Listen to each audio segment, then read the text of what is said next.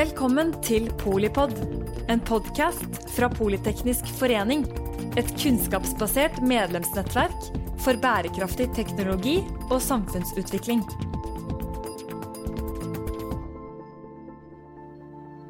Velkommen til ny eh, strømpod og polipod fra Politeknisk forening. Jeg heter Terje Strøm og er sjeføkonom i Ny Analyse. I dag er jeg så heldig å ha få fått med meg eh, tidligere finansminister Siv Jensen, eh, som da var for Frp i seks og et halvt år, og som nå har styrevei, driver eget eh, firma og eh, jobber med eh, Flyte, som er for å hindre drukningsulykker i, i Norge. Velkommen, Siv. Tusen takk. Veldig hyggelig å ha deg her. Veldig hyggelig å være her òg. Veldig, veldig spennende tid for en som har vært finansminister, og selvfølgelig litt for spennende kanskje for den som sitter nå. Hva, hva tenker du i forhold til en sånn situasjon at en finansminister eh, må takle den typen ting eh, litt sånn uten å ha erfaring fra før av? Altså rent menneskelig så har jeg sympati med flere av regjeringens medlemmer, for jeg vet at de står i en veldig vanskelig tid. Og det er jo sånn at når kriser inntreffer, så har du ikke tid og plass og rom for å gjennomføre de løftene som du ga velgerne dine uh, i valgkampen. Uh, og det kan av og til være litt uh, krevende, sikkert, fordi man får ja, uro i egne rekker, og mange lokalpolitikere som sikkert er kjempeirritert over at ikke regjeringen løser opp i alle problemer. Men så er det en gang sånn da, at når du søker makt og ansvar, så må du ta det. Man vet aldri hva som kommer, og, da må man stå i det og prioritere trygg og god ledelse. Og jeg er ikke helt sikker på om jeg syns det skjer for tiden, men, eh, men det er jobben. Mm. Men eh, de har jo veldig mange gode på måte, rådgivere og da jurister og samfunnsøkonomer og med 30 års erfaring og kanskje mer noen av de som, som er der i, i Det kongelige finansdepartementet. Er ikke det en veldig stor støtte for enhver finansminister å ha? Jo, altså embetsverket i Finansdepartementet er jo helt enestående. De er superflinke, øh, og de vet å gjøre jobben sin. Men det som er viktig for en finansminister, er jo faktisk å eh, slippe embetsverket til. Lytte til de rådene de gir. Fordi jobben deres er jo å passe på finansministeren sin. Eh, og spille finansministeren best mulig i alle situasjoner, enten det er gøy eller vanskelig, eh, eller det er medvind eller motvind. Eh, jeg har sagt noen ganger at jeg er ikke helt sikker på om Vedum alltid eh, følger de rådene han får fra embetsverket sitt. Det hender at jeg kan sitte og se en pressekonferanse eller høre han i en eller annen debatt, og jeg hører at han ikke eh, følger eh, de talepunktene han har fått. Riktig. Men, men dette Besseggen-foredraget der hvor han skulle gjøre alle klar på at det kom til å komme stramme tider og et stramt budsjett, det, det føltes vel litt som noe som embetsverket kanskje mente var smart å berede grunnen for, eller? Jeg tror det har vært eh, helt nødvendig av regjeringen å forberede innbyggerne på tøffere tider. Men jeg tror det som er det største problemet, er jo at jeg tror ikke folk egentlig helt oppfatter at det er det regjeringen gjør. Fordi de har lagt inn en del prioriteringer i statsbudsjettet som ikke vitner om at de har mangel på penger, eh, eller at de har prioritert eh, veldig hardt. Eh, Jeg tror nok det oppleves litt som kunstig og rart for veldig mange som nå har det kjempevanskelig økonomisk. Mm. Det er mange som sliter mye nå.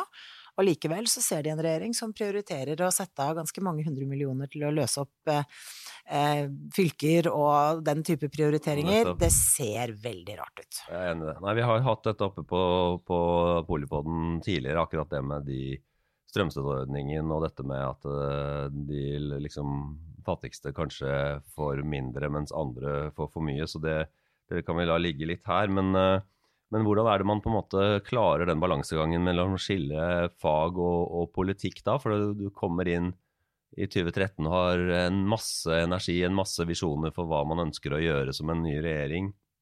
Og med et politisk apparat også, for det er jo ikke bare finansministeren, det er jo gjerne et par statssekretærer eller flere og politiske rådgivere. Det må jo være en veldig eh, spesiell situasjon at, eh, at embetsverket sier Er det ikke det du som skriver i biografien at de sier nei før de sier hei, da? Jo da, men det er jobben deres òg. Jobben deres er å holde igjen. Um, passe på at man ikke bruker mer penger enn det som er fornuftig. Noen ganger så passer de kanskje litt vel godt på. Men jeg syns aldri det var vanskelig å skille fag og politikk. Eh, selv om jeg er økonom selv, så husker jeg at noe av det første jeg sa til embetsverket i departementet, var at jeg er ikke kommet inn her for å være en bedre økonom enn dere. Mm. Jeg er politiker. Min jobb er å prøve å uh, finne løsninger. Hvordan skal vi få gjennomført mest mulig av regjeringens plattform? Uh, og noen ganger så opplevde jeg jo at uh, embetsverket kom og sa dette går ikke. Eh, Riktig. og mitt svar på det var at jo da, det er ingenting som er umulig, da må vi bare lete litt lenger. Og av og til så måtte vi finne ja, litt andre løsninger enn det vi opprinnelig hadde tenkt. Mm. Eh, og noen ganger så la vi også ting ned i skuffen, rett og slett fordi det var ikke mulig å få det til. Riktig, riktig. Men eh, embetsverket er Altså, jeg vil si at de er ekstremt lojale mot den eh, finansministeren som til enhver tid sitter. De er kjempeflinke til å snu seg rundt.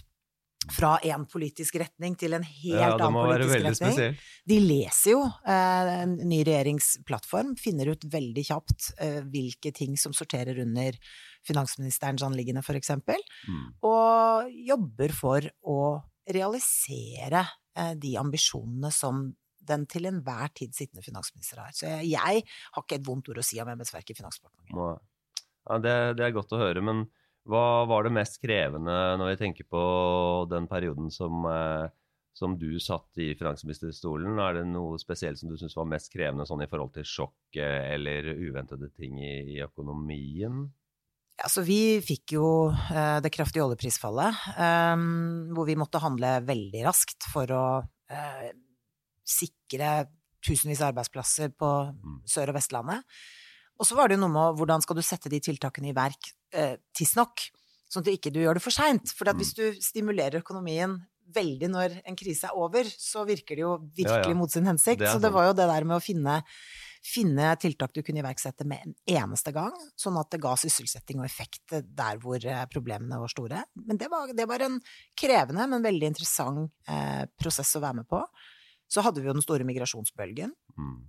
Som selvfølgelig gjorde at vi måtte finne midler til å håndtere det på best mulig måte. Så det skjedde jo mange vanskelige ting også på min vakt. Um, men det er klart, vi hadde Vi var jo i ferd med å komme inn i en situasjon hvor vi visste at um, handlingsrommet ikke kom til å være der. Um, og der er jo regjeringen nå. Ikke sant? Det er ikke handlingsrom til store nye satsinger med mindre du gjennomfører kutt og reformer, og det står jo ikke øverst på den sittende regjerings eh, dagsorden, da. Nei, riktig. Men jeg har hørt om de vegringsalternativene og Holden og de tingene rundt, og at vi ikke vil ha råd til, eh, til fremtiden og velferd og pensjoner. eh, Så jeg må innrømme at jeg syns at av og til at om det er Finansdepartementet eller om det er Finanstilsynet, at man kanskje er litt for pessimistisk noen ganger. Da. Jeg prøver å omtale meg litt som en optimistisk samfunnsøkonom, som er en slags motsigelse. Jo, men poenget her er jo eksempel gjennom perspektivmeldingen så får man jo et scenario presentert på hvordan ting Altså, en del fakta får du jo, for Mm. vi vet at den befolkningsutviklingen vår går i retning av at vi blir stadig flere eldre. Vi, har, vi vet at vi har veldig mange mennesker, flere hundre tusen mennesker som eh, er i arbeidsfør alder, men som ikke jobber. Mm. Um, og så lager man jo prognoser på hva skjer hvis man ikke gjør noe? Hva skjer hvis man iverksetter tiltak? Mm. Um, så man trenger jo ikke ta en pessimistisk eh, tilnærming til det. Det handler jo om å gjennomføre politikk, tiltak, som skaper handlingsrom, og det er fullt mulig å gjøre. Så jeg syns jo ikke man skal eh, se på fremtiden med sorg, fordi at det er fullt mulig å Altså, vi, vi er jo veldig privilegerte Det er det jeg tenker på også, at hvis ikke vi klarer oss i Norge med våre eh, oljemilliarder og alt det vi har av ressurser og et godt og stabilt demokrati, hvordan skal da andre land i. Europa kunne klare seg de neste 30 årene? For Men vi, har jo vi har alle forutsetninger for Ja. å få dette til. Men? Når, vi, når vi vet at vi blir flere eldre, og færre og færre som da skal betale gilde, mm, da er det jo helt avgjørende viktig at vi klarer å gjennomføre politiske grep som får alle de som har arbeidsevne, litt arbeidsevne, til å faktisk jobbe. ja, ja. Og da, det er ikke det at de ikke vil jobbe, men Nei, det er- en del sånne byråkratiske hindre som gjør det vanskelig komme inn i arbeidsmarkedet. Så her må det en Det skikkelig dugnad til. Det er enig i at den inkluderingsbiten er så utrolig viktig, Mm. og kanskje litt sånn vanskelig. Man må slutte å prate om det og begynne å gjøre noe. det må gjøres, men så er det bare Det er et slags dilemma, og det er jo det at hvis du Uh, nå uh, må kjøle ned økonomien med stramt budsjett og ikke kan drive motkonjunkturpolitikk, så er jo det uh, litt vrient akkurat på det at du får egentlig inkludert, inkludert færre, eh, hvis du skjønner? Nei, altså, Nei men du, bare, jeg, jeg, er ikke enig i det. Altså, det. Det går an å få dette til. Ja. Nei, men, det, men det handler om prioriteringer, og da må man prioritere.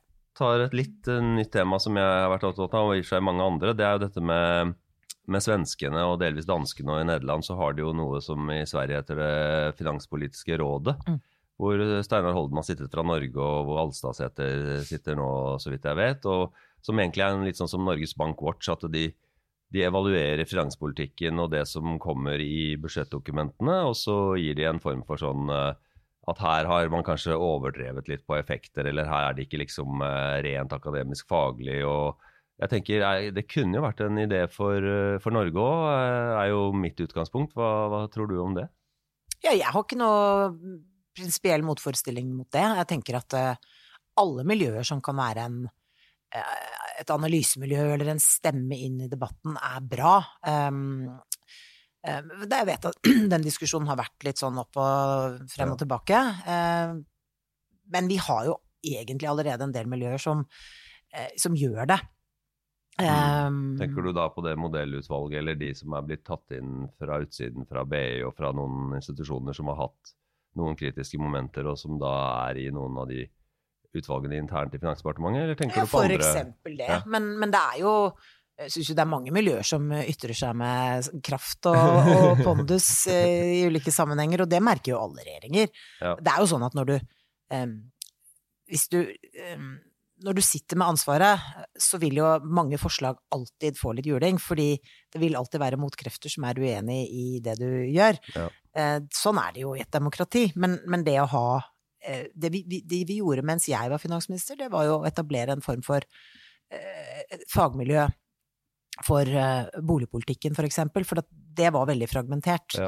Og det at vi fikk et litt sånn forskningsbasert miljø som kunne komme med råd og prognoser var jo veldig bra for mm. eh, arbeidet knyttet til eh, boligutvikling, boligmarkedet, renter, eh, mm. ja, det, motsykliske tiltak. Det er bra, men jeg, men jeg tror likevel at det, alle har jo på en måte Veldig mange av de gruppene som, eh, som, er i samfunnet og som kritiserer regjeringen, har jo enten en partitilknytning eller en organisasjon de skal jobbe for en sak. og Det er liksom ingen som er uh, uavhengige, sånn som jeg ser for meg at det Norges Bank Watch i Norge er, og det Finanspolitiske rådet i Sverige er, liksom, og som har et modellapparat som også ligner litt på Finansdepartementet. Sånn mm. at man ikke man blir sånn som når partiene lager sitt uh, alternative statsbudsjett, så bruker man liksom tre-fire uker på det en regjering har brukt uh, nesten et år på, eller iallfall ni-ti måneder. Mm.